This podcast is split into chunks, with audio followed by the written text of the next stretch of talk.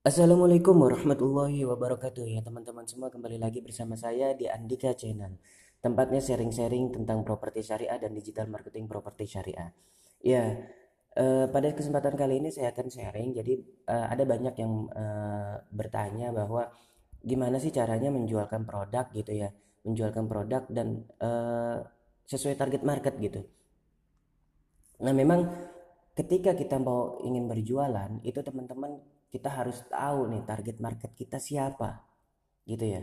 Jadi banyak yang ketika ditanya target market produk kamu apa oh target pro, uh, target market produk saya ya kompetitor lain gitu ya. Terus kemudian orang-orang menjualkan yang lebih murah gitu kan atau yang lebih strategis tempatnya atau itu hanya sebuah function produk bukan target market. Jadi kalau target market banyak juga yang uh, ketika ditanya target market ada juga yang ketika ditanya target market itu oh orang-orang yang umur sekian umur 25 sampai 60 orang yang baru nikah gitu kan pengantin baru terus kemudian oh orang-orang yang pensiunan dan sebagainya.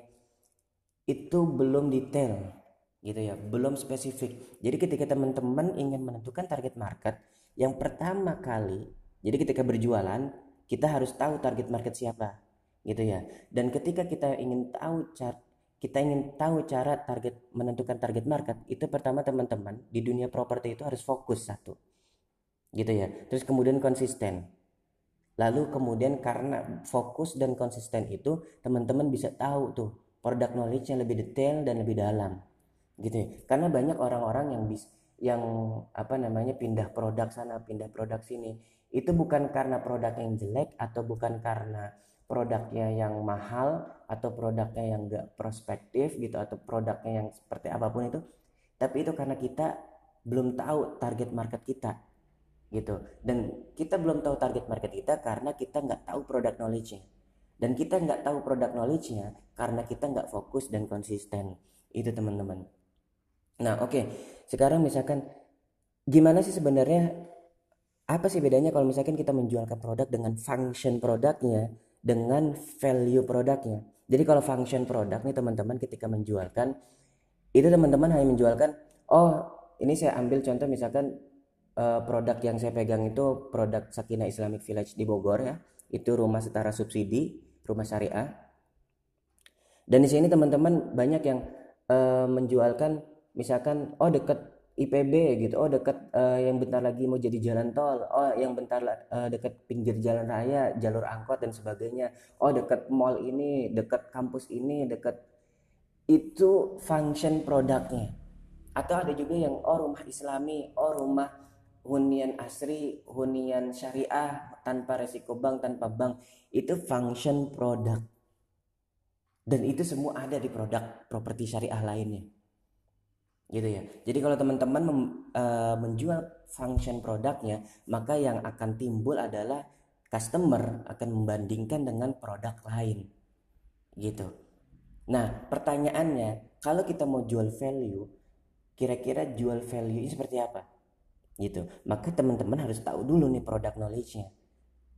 Seperti yang tadi saya bilang, harus tahu produk knowledge-nya dan ketika dan produk knowledge itu harus tahu dalam dan ketika ingin tahu produk knowledge-nya lebih dalam itu harus konsisten dan fokus.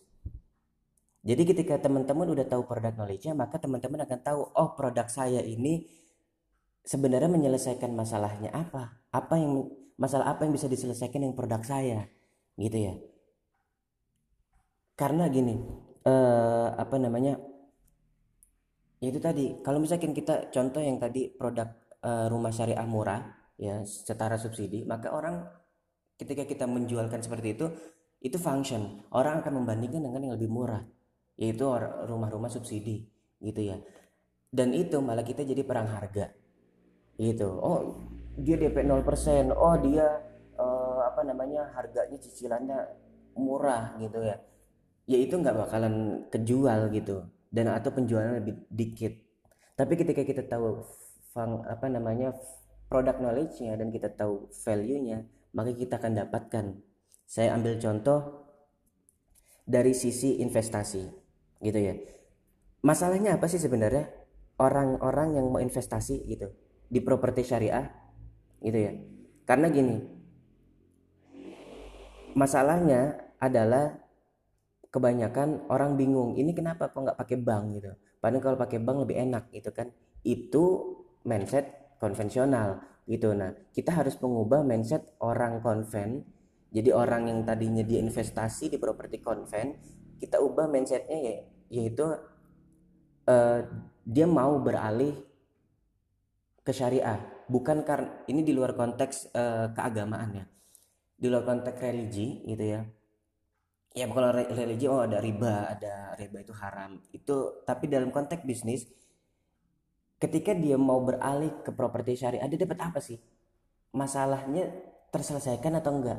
Dia masalahnya kan ingin investasi gitu ya. Ketika dulu dia investasi di properti konven yang dia uh, belinya itu cicilannya ke bank terus kemudian dia sewakan gitu ya. dari hasil sewa itu penghasilannya cukup untuk bayar cicilan. Kan seperti itu ya.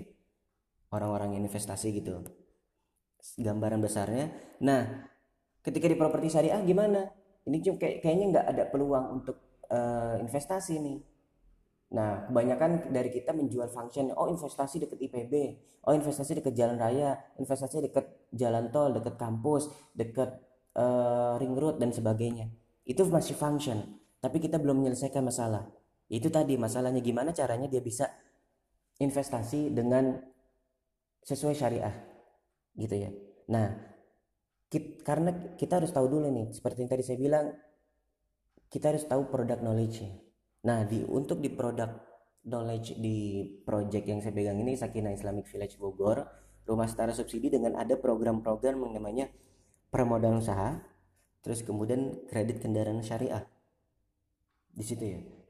Terus kemudian ada namanya tahfiz planner gitu. Oke kita bahas dari sisi tadi kita menyelesaikan masalah orang yang pengen investasi gitu ya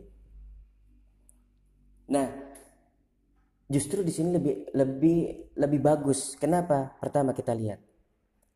Ketika rumahnya sudah jadi si investor si customer ini dia bisa menyewakan rumahnya satu. Atau dia bisa menjadikan rumahnya itu ruko rumah dan toko. Dua gitu ya. Oke lah itu jadi satu. Terus kemudian dia akan bisa dapat income tambahan. Dari mana kan kalau selama ini kalau kita bandingkan dengan eh kalau di uh, selama ini kalau di konven hanya menyewakan dapat income untuk bayar cicilan bank. Tapi di sini akan dia akan konsumen ini akan dapat lebih. Yaitu dari pertama selain dari penyewaan penyewaan produknya penyewaan rumahnya gitu ya dia dapat income dari permodalan usaha. Bukan dia dapat modal usaha karena orang investor rata-rata ngapain gue usaha orang gue pengen invest, investasi gitu ya nah ketika ada orang yang menyewa rumahnya ya kemudian dia bisa mengaj si pemilik rumah investor ini bisa mengajukan permodalan usaha untuk bekerja sama dengan orang yang menyewa di rumah itu. Gitu ya. Nah ketika investor itu bekerja sama dengan orang yang menyewa di rumah itu untung nggak? Si penyewa rumah untung kemudian si uh, apa namanya investornya juga untung karena dapat income tambahan selain income dari sewa tersebut. Nah ini value-nya sebenarnya. Terus kemudian ada program kendaraan syariah gitu. Program kendaraan syariah. Ini bisa si investor pemilik rumah beli kendaraan dengan cara kredit syariah gitu ya. Terus kemudian disewa kendaraannya. Enak nggak gitu? Jadi itu terbuka besar terbuka lebar gitu ya. Peluang bagi investor yang ingin investasi. Gitu. Dan di sini terus kemudian uh, dia akan ada namanya program tahfiz planner. Jadi rumah tahfiz dengan adanya uh, apa namanya pembinaan wirausaha untuk si hafiz Quran gitu ya. Dan di sini ada ada invest peluang investasi lagi sebenarnya apa peluang investasinya? Yaitu si investor pemilik rumah dia bisa investasi ke santri-santri yang ingin buka usaha.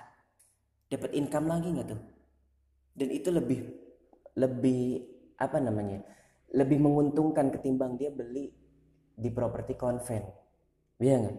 Dapat untung disewakan terus kemudian dapat untung uh, sirkah dari investasi dananya dari permodalan usaha tadi terus kemudian dapat uh, apa namanya income pasif income dari penyewaan kendaraan gitu ya.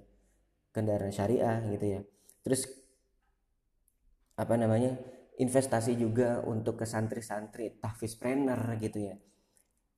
Ini ini adalah value yang kita jual. Nah ini value ini teman-teman bisa dapatkan karena teman-teman bisa tahu produk knowledge-nya lebih dalam. Dan kan teman-teman tahu produk knowledge-nya dari lebih dalam itu karena apa? Karena teman-teman fokus dan konsisten. Nah, itu kuncinya sebenarnya teman-teman. Kenapa teman-teman bukan karena produknya, tapi karena kitanya tidak tidak tahu, tidak belum memahami gitu ya. Produk knowledge-nya lebih dalam, value-nya lebih dalam. Mungkin itu aja jadi bagi teman-teman yang menjualkan project properti syariah maka kita harus tahu produk knowledge-nya gitu ya lebih dalam lagi sehingga kita nggak akan uh, apa namanya membandingkan properti konven dengan properti syariah. Properti syariah kita bandingkan dengan konven gitu. Jadi kita tetap mainkan value-nya bukan function produknya karena function produk semua punya. Seperti itu. Oke mungkin itu aja. Semoga bermanfaat. Jangan lupa like like comment dan share. Semoga bermanfaat. Dan subscribe podcast ini dan bagikan ke teman-teman semua ke teman-teman uh, semuanya gitu ya. Terus kemudian jangan lupa follow akun Instagram dan subscribe YouTube dan podcast ini. Oke kurang lebihnya mohon maaf. Wassalamualaikum warahmatullahi wabarakatuh